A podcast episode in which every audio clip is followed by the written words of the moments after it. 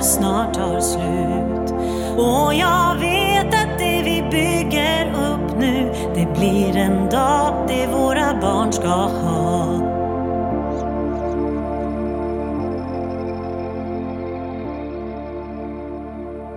Åh, vad jag tycker om Ulrika Beijer när hon sjunger den här låten. Och framförallt texten. Och jag vet att det vi bygger upp nu, det blir en dag det våra barn ska ha. Och det är ju precis det som den här podden handlar om. Så varmt, varmt välkomna till avsnitt nummer två.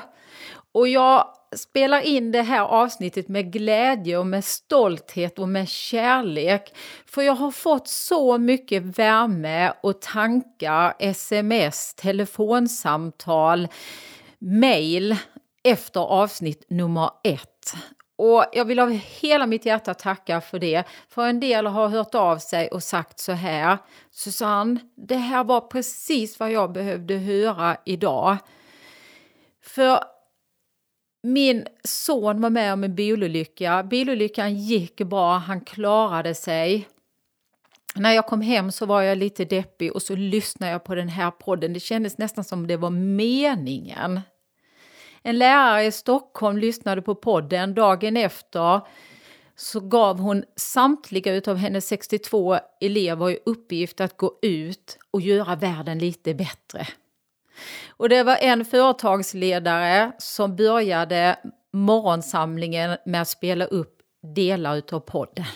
Och det värmer ju såklart mitt hjärta, för ni vet när man gör någonting nytt eh, någonting som jag faktiskt hade längtat efter så var jag ju lite nervös på hur skulle den här podden tas emot och lycklig över att den blev väl emottagen och det gav mig energi framåt. Så tusen, tusen tack! Och tack också för tips och råd av om personer att intervjua som gör gott där ute för andra. Jag är jättetacksam och ska kika på att ta kontakt med människor som ni har rekommenderat. Och det är ju just det här som podden handlar om, att, att skicka vidare bra saker för en ännu bättre värld att leva i nu och för kommande generationer. Så i det här avsnittet så hade jag tänkt att prata om tre huvudsaker som jag märker gör väldigt stor skillnad. Nämligen synen på att ge. Alltså synen på att ge och bidra till andra. Jag märker att det kan vara väldigt olika. Och likaså tänkte jag prata om tillstånd eh, vilken tillstånd, inställning, attityd som vi människor eh, väljer att vara i. Och även tankar om eh, vad, hur jag lägger eller var jag lägger min energi och balansen mellan dåtid, nutid och framtid. När jag, när jag tänker på att ge, att ge till andra att bidra till andra, att bidra till andras glädje, att bidra till andras framgång. Så när jag håller föreläsningar så brukar jag ta upp en 100 kronor sedel och så håller jag upp den och så säger jag så här. Om vi har 100 kronor och två personer möts och byter sedel med varandra så har de exakt lika mycket som de hade tidigare, nämligen 100 kronor. Fast om två personer träffas och byter varsin kunskap, tanke, idé med varandra så har de 100% mer än vad de hade tidigare. Så låt oss byta kunskap, idéer, tankar med varandra för att berika varandra och göra världen lite bättre att leva i. Och då kommer jag, och jag tycker att den är bra, jag tycker att den är jättebra. För om vi inte delar med oss och vi inte berikar varandra, då stannar ju saker. Då har vi samma förståelse vad vi hade tidigare. Fast att få tankar generöst, idéer ifrån andra gör ju att jag kan undersöka. Hmm, nu fick jag ett tips, nu fick jag ett råd. Passar det mig? Berikar det mig? Om jag använder Om inte, nej, det passar inte mig denna gången, kanske ett annat tips och råd passar.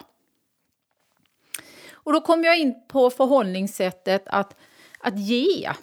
En del ger med förhoppningen av att få tillbaka av just den personen. Alltså ger jag någonting till dig så förväntar jag mig att du ska ge tillbaka. Medan vissa, de ger för att synas. Eh, de kanske nästan så att man skryter eller att de vill att andra ska se, titta så bra jag är, för jag ger. Och det är nästan så att man, eh, vissa personer märker jag att när de ger till andra så tittar de liksom om någon ser det i hopp om att någon ska se det. För titta så bra jag är som ger. Fast vissa, de ger kanske inte för att vänta sig någonting tillbaka, utan de ger utav glädje. Att det där lilla leendet, det där lilla smilet, den där kramen, det är det som är belöningen. Jag behöver inte få någonting tillbaka. Men jag ville göra något gott för dig. Och det är det som är belöningen. Vissa tänker så här att ja, men ger jag till en person så kanske jag inte behöver få någonting tillbaka. Jag ger av glädje, av kärlek och värme. Fast jag hoppas att den personen ger till någon annan i gengäld. Alltså, jag ger till en person, jag behöver inte få någonting tillbaka från just den personen. Men den personen kanske hjälper någon annan som behöver det. Och det är ju berikande. Så jag tror livet är väldigt mycket som en boomerang. Alltså det jag ger, det får jag tillbaka. Kanske inte av den personen som jag gav till, fast jag får det tillbaka av någon annan. Och på så sätt så tar universum hand om oss. Eh, på så sätt så blir belöningen det där leendet och förhoppningsvis så får vi tillbaka, fast det är kanske inte utav den personen som jag ger till. Och även om jag inte skulle få någonting tillbaka så fick jag en kram, ett leende och det är belöningen. Så lite så är det. Jag ser livet som en boomerang och just den här podden, det är en för mig så viktig för att just nu i dessa tider, i pandemitider, så tror jag det är ännu viktigare än någonsin att berika andra, att ge till andra, att få eh, ett leende, att ge ett leende. Och på så sätt så bidrar vi till en lite, lite bättre värld att leva i och vara i gemenskap. För när jag skickar det där leendet då får jag ofta ett leende tillbaka. Och det är ju på sätt och vis den största belöningen. Och nu ska Ulrika sjunga just det. Ett leende in i framtiden för sanning och för gemenskap. Jag vill så gärna ha en tro på framtiden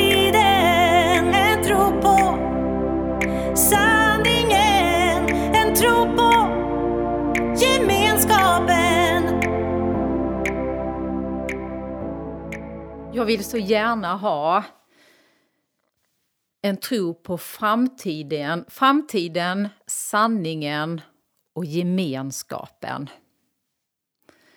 Och då kommer jag att tänka på det här med tillstånd, eh, inställning, attityd. För är det någonting som jag tycker är viktigt alltid, ännu viktigare nu i pandemitider, så är det att se till att vara i så goda tillstånd som man kan. Och en del tänker att, ja ja, det där med tillstånd, inställning, attityd, det kommer och går, det blir som det blir. Och så tänker inte riktigt jag. Jag tänker att vi kan alla medvetet jobba med våra tillstånd så att vi kan ha det bra inom oss själva och sprida bra energier utåt.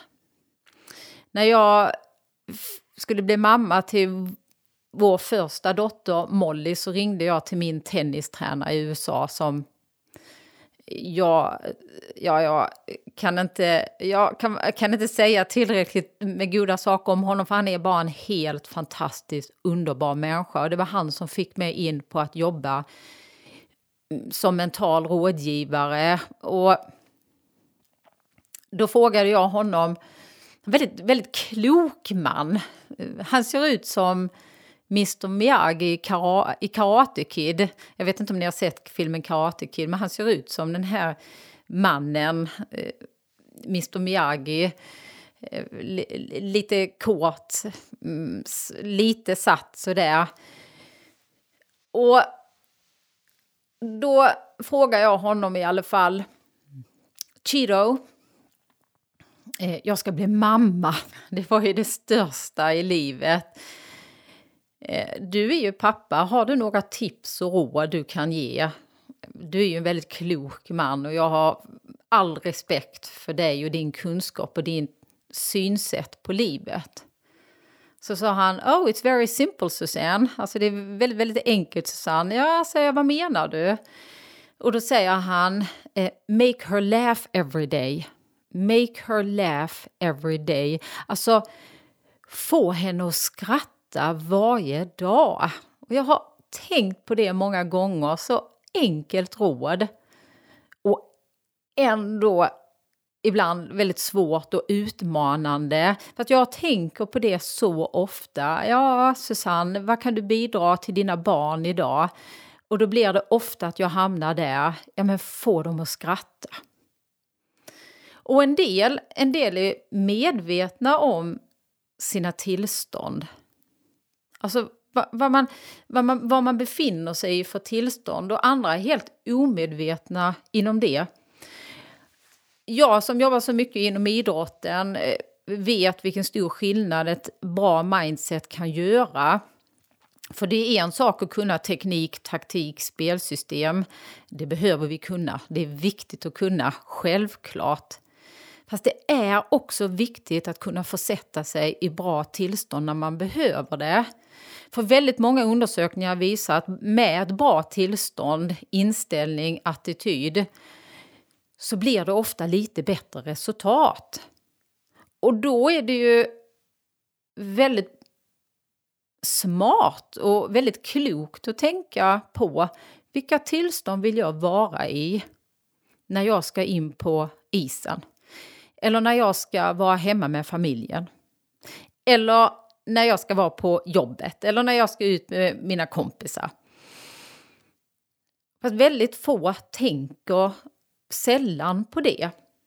Och då ska jag berätta en historia som jag tycker väldigt mycket om som handlar om en affärsman som var sen hem efter ett jättesent affärsmöte och kom ut på en, liksom en öde mark, eh, åker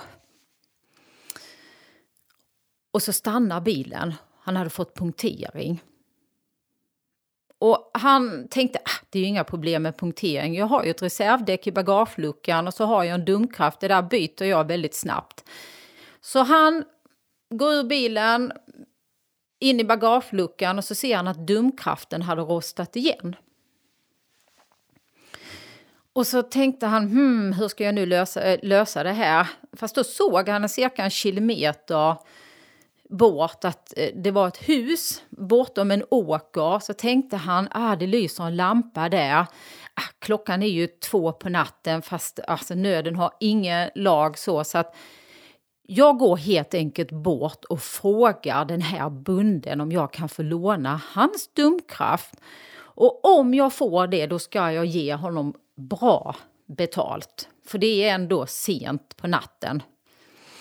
Så han eh, springer ut på åkern och när han springer ut på åkern så hade det bara gått ett par meter så trampar han i gyttja och då tänkte han jäklar också, mina dyra italienska skor, ja ja det får väl, mm, får väl vara så, jag behöver ha den här dumkraften så han springer vidare och då trampar han i en komocka.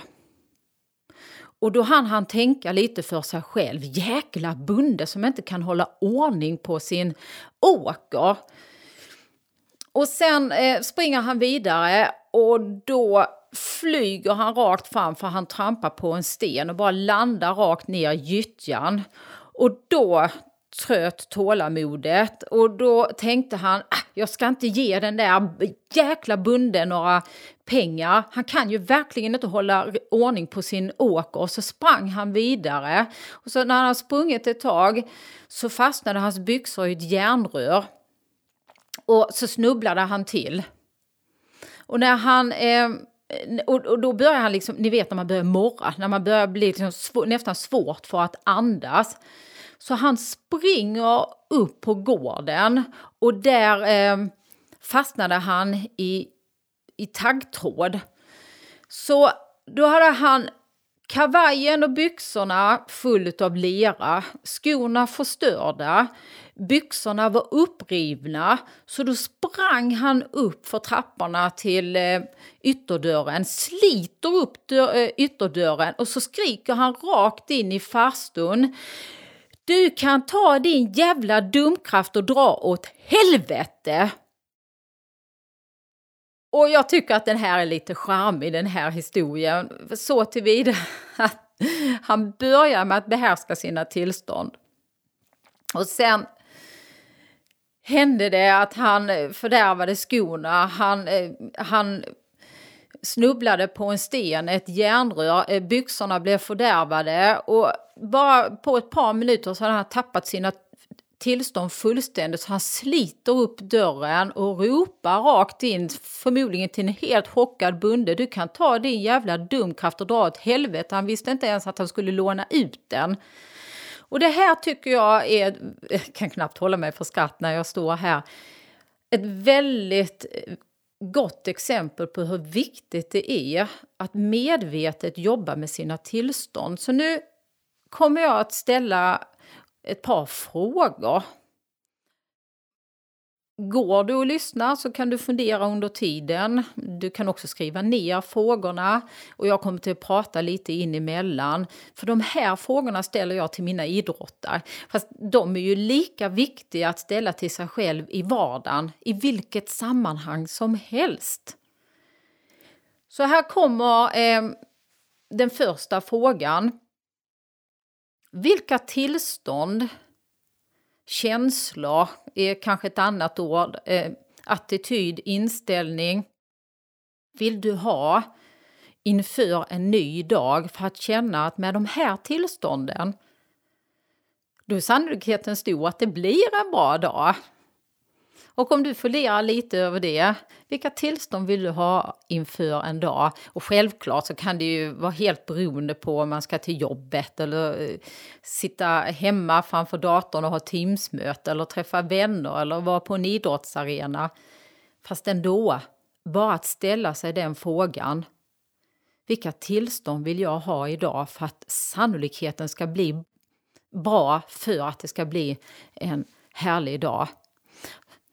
Och en del av mina idrottare när jag ställer den frågan, vilka tillstånd vill du ha inför match för att känna att det ska bli en bra match? Så kan en del säga harmonisk, balans, glädje, inspirerad, taggad, lite förbannad. Det kan ju vara helt olika. Men de allra flesta säger att glädje, inspiration, balans ha ett lugn. Bra, säger jag. Bra. Då får du nästa fråga. Vad gör du för att försätta dig i de tillstånden? Alltså vad gör du för att försätta dig i de tillstånden? Då behöver man ju lägga på ett beteende, någonting som vi ska göra. Och jag vet ju ganska exakt vad mina idrottare gör. En del för att hamna i bra tillstånd, de sover, de lyssnar på musik, de lyssnar på ett ljudband, eh, de är ute och springer, en del vill vara sociala, andra vill vara för sig själv. Vissa bara lägger sig ner och blundar och andas djupt. Alltså det är ju helt olika. Men oftast i yrkeslivet eller privatlivet så blir det att man kastar in barnen på förskolan och hoppas man kan hinna i tid. Och då blir liksom tillstånden så som de blir, utan att man medvetet har tänkt eller planerat för det. Så du kan fundera lite för dig själv, vad har du för rutiner på morgonen som gör att du hamnar, kommer i bra tillstånd? Jag vet, jag har ju en rutin som jag gör sex dagar av sju eh, året om, nämligen att jag går ut och joggar i fem minuter. En del grannar skrattar åt mig. Alltså, Susanne, du hinner ju knappt ner till sophuset innan du ska eh, hem igen. Fast fem minuter, sex minuter så gör jag lite olika övningar.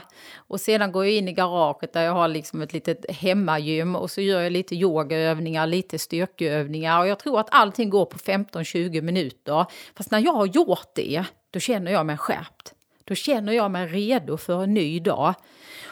Fast vissa, de skulle ju tycka liksom det är fullständig katastrof om jag går ut och jobbar, joggar på morgonen. Jag vill ha eh, två koppar kaffe, då kommer jag igång. Alltså det är väldigt olika. Det gäller bara att vara medveten om vad passar mig? Så vilka tillstånd vill jag vara i? Hur förbereder jag mig? Då kommer ju en annan väldigt viktig fråga, nämligen vad gör du under dagen för att behålla goda tillstånd? Och jag ler lite här också nu när jag säger det, för att jag vet med mig själv att jag är morgonmänniska. Jag har prime time på förmiddagen. Jag kan svara på 20 mejl hur lätt som helst på morgonen. Fast sedan sackar jag efter. Så på eftermiddagarna och på kvällarna då får jag jobba med mina tillstånd för att ändå ha bra energi och inom eh, idrotten så är det jättepåtagligt. Jag jobbar eh, just nu väldigt mycket med ishockey där jag brukar fråga mina hockeyspelare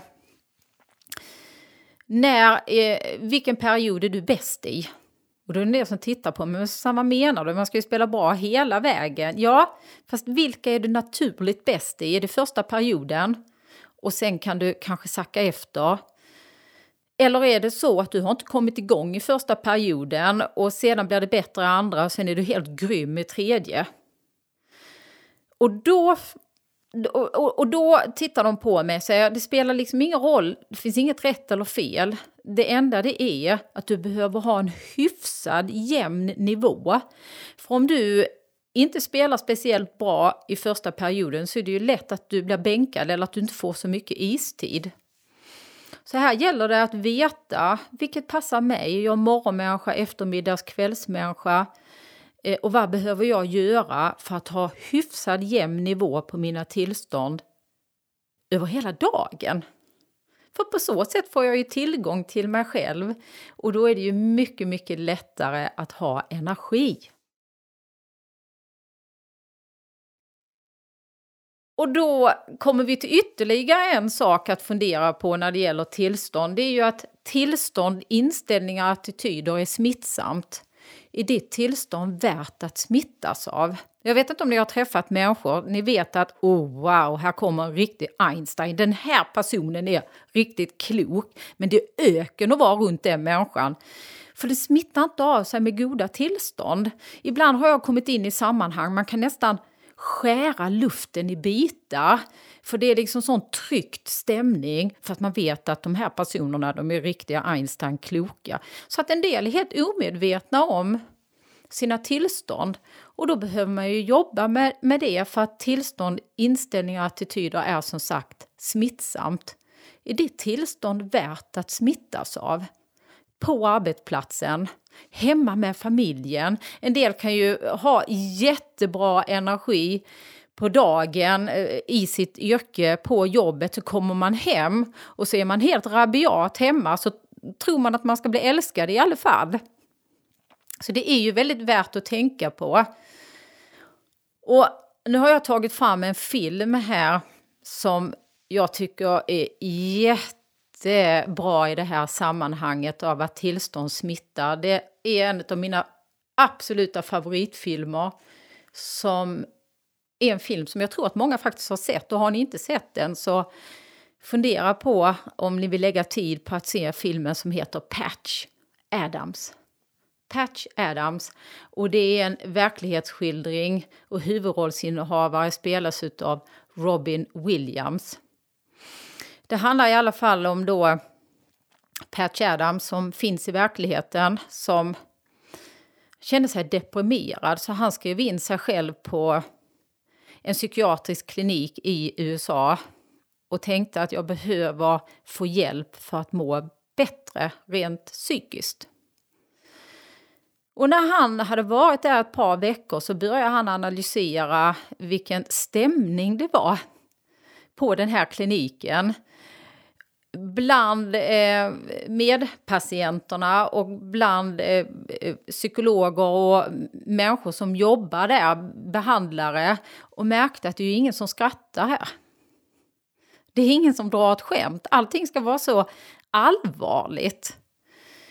Så den som han delade rum med fick han att ändra tillstånd från att ha varit väldigt rädd, orolig inom sig till att skratta, busa, leka och det smittade av sig på hela avdelningen. Och när han satt med sin psykolog så säger han så här, nu har jag bestämt mig vad jag ska göra för resten av mitt liv. Och psykologen tittar li lite upp på honom så här och säger, eh, what? Och då säger han, jag ska bli läkare, jag ska hjälpa människor. För jag är bra på att connecta med människor, jag är bra på att bidra med goda tillstånd, att få människor att skratta. Och jag tror att skratt och humor, det läker. Och sedan när han kom ut så så, så utbildade han sig till läkare. Och kravet där, det var liksom att skratta, få människor att le. Och jag minns framförallt en scen i filmen som bara gick rakt in i hjärtat på mig. Det var när Patch gick eh, andra året, första eller andra året, jag är lite osäker på sin läkarutbildning. Och så går han in på en avdelning där det ligger sjuka barn. Och det var alldeles tyst. Ingen sa någonting, ingen pratade med varandra. Det var bara alldeles tryggt. Eh, alltså det var tyst som, ja, som man kunde höra en nål falla. Och då går han in. Får alla att le, busar, skrattar, leker med dem.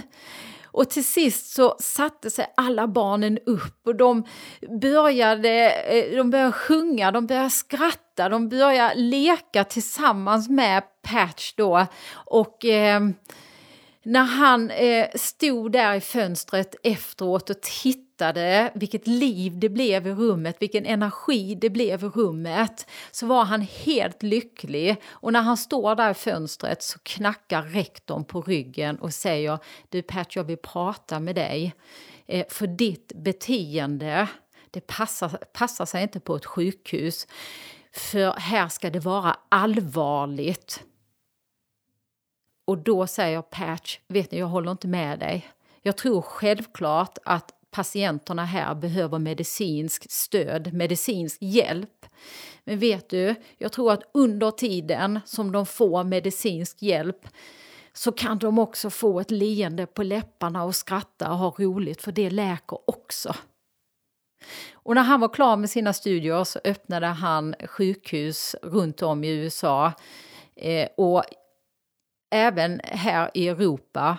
Och det står läkare och sjuksköterskor på kö för att jobba för honom. Och kravet är självklart att ha en yrkesskicklighet men samtidigt förstå hur viktigt det är att ha ett leende på läpparna och få patienterna att skratta och ha goda tillstånd. För vad är alternativet? Ja, vad är alternativet? Ja, med dåliga tillstånd så smittar vi av oss. Då blir det som en fruktskål. Är det en rutten frukt i en fruktskål så, så sprider det sig snabbt och sen så blir de andra också ruttna. Och det tar ju såklart energi. Så jag tror att när vi smittar av oss med goda tillstånd till barn, till ungdomar, till vuxna så är det ju ett sätt att göra världen lite bättre att leva i.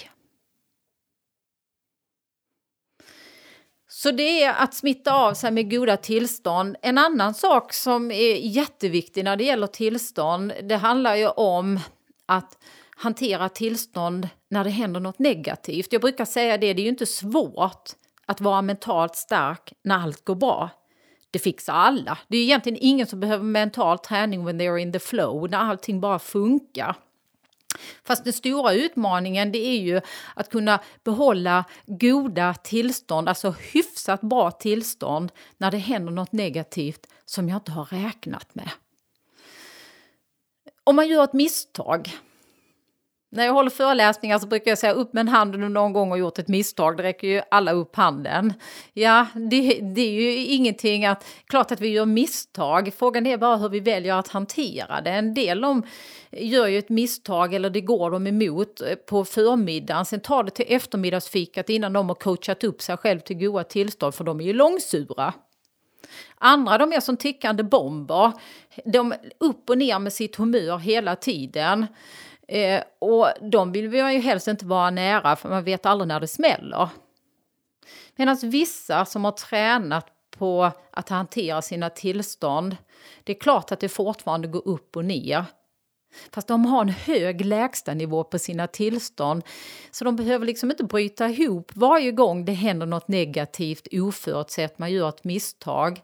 Utan de kan ha distans till det och ändå ha hyfsat bra tillstånd. Och det är ju någonting för oss alla att träna på.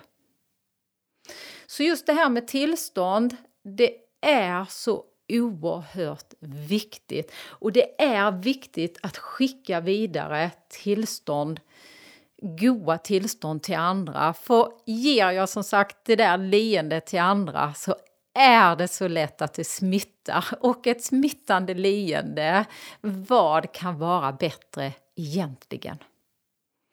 Så nu ska Ulrika igen sjunga eh, en liten jingel som handlar just om hur viktigt det är att ha en tro på framtiden. Varsågod Ulrika. Jag vill så gärna ha en tro på framtiden Ja, som ni hörde Ulrika, jag vill så gärna ha en tro på framtiden. Och då har jag funderat väldigt mycket på det. Vad har människor sin uppmärksamhet? Alltså var lägger människor sin energi? Är det på framtiden? Är det på dåtiden? Eller är det här och nu? Eller är det en blandning, en mix utav det. För jag träffar en del människor som pratar väldigt mycket i dåtiden. Det var bättre för Susanne. Bara inte det här hade hänt, då hade jag mått bra. Bara jag inte hade missat den där straffen. Bara jag inte hade bytt jobb. Bara inte pandemin hade kommit. Då hade jag varit glad. Så de pratar väldigt mycket om dåtiden. Medan andra de ligger väldigt mycket i framtiden. Bara det blir fredag, bara det blir helg, bara det blir semester, bara vi vinner den där matchen, bara jag vinner på Lotto. Så de ligger väldigt mycket i framtiden. Och nu så tror jag väldigt många tänker bara pandemin är över. Och det har jag ju full förståelse och kan ju tänka så själv ibland. Däremot så är det ju ändå viktigt att på något sätt bli vän med dåtiden, göra upp med dåtiden så det inte ligger och gnager i huvudet. Likaså är det ju väldigt viktigt att planera framåt. Det gör jag själv, sätter mål varje år, vad jag vill uppnå. Och det ska vi fortsätta göra, eh, våra visioner, våra mål, våra drömmar. Och någonstans när vi landar i det, att göra upp med dåtiden, planera framåt, så är det ju så oerhört viktigt att vara här och nu. Att vara närvarande. Just nu lyssnar jag på Susannes podd. Lyssnar jag? Eller är jag någon annanstans i tankarna? Just nu så sitter jag på ett möte. Är jag närvarande i det mötet eller är jag någon annanstans? Just nu spelar jag denna fotbollsmatchen, tennismatchen, hockeymatchen. Är jag här eller är jag någon annanstans? För det tar väldigt mycket energi för hjärnan att fysiskt vara på en plats med mina tankar, min hjärna är någon annanstans. Så att fundera lite för dig själv, hur är din balans just nu i ditt liv mellan dåtid, nutid, framtid? Ligger du mycket i dåtiden? Ligger du mycket i framtiden?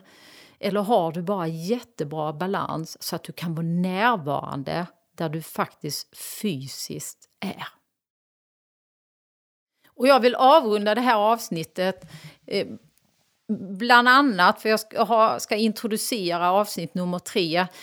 Fast jag vill rama in hur viktigt det är att vara här och nu med en fantastisk berättelse som, som går för mig rakt in i hjärtat. Det handlar om en mormor med sitt barnbarn. Och ni vet när man har förmånen att få vara med sina barnbarn och de här små och få följa dem upp i vuxenlivet. Det är ju en gåva, en lycka, en glädje för de allra flesta. Och den här mormor har fått följa sitt barnbarn och barnbarnet har nu blivit myndig. Och så sitter de och fikar som de har gjort under hela eh, barnbarnets uppväxt. Och sitter och fikar och så, och så säger mormor, alltså tänk, tänk att du är så stor nu så att du är myndig. Mm. Och då funderar barnbarnet, så säger hon, hon är, alltså mormor, Alltså du har ju blivit ganska gammal nu och mormor ler och lägger huvudet på sned och barnbarnet drar henne i kinden. Och så säger barnbarnet, mormor, om du blickar tillbaka på ditt liv, vilken har varit den lyckligaste perioden i ditt liv? Den där du var som allra lyckligast och du mådde som allra, allra bäst. Och mormor funderar en stund och sen så säger hon ja. Alltså det var en helt fantastisk tid när jag själv var barn, när jag tillsammans med mina syskon lekte och busade, klättrade i träd. Vi var så fria, det var så enkelt, det var så roligt. Fast det var också fantastiskt. Eh, och den perioden jag minns när jag började bli tonåring och jag var ute och dansade och när jag så småningom träffade morfar. Alltså hela den perioden. Det var så roligt. Och när jag och morfar vi fick vår egna första lägenhet. Jag kände mig så stor att jag var vuxen. Och det var ju helt fantastiskt när jag och morfar blev föräldrar. När vi fick din mamma och vi fick syskon och vi var en egen familj. Det var så berikande. Jag var trött nästan hela tiden. Men tänk, det var en egen familj. Den perioden var helt fantastisk. Och sen var det också en helt fantastisk period när barnen började flytta hemifrån och det bara var jag och morfar igen. När vi kunde göra saker på tu man hand som vi hade längtat efter fast vi inte kunde göra när barnen bodde hemma. Det var en härlig tid. Fast det var också en härlig tid när vi fick barnbarn, när du och dina kusiner kom till världen.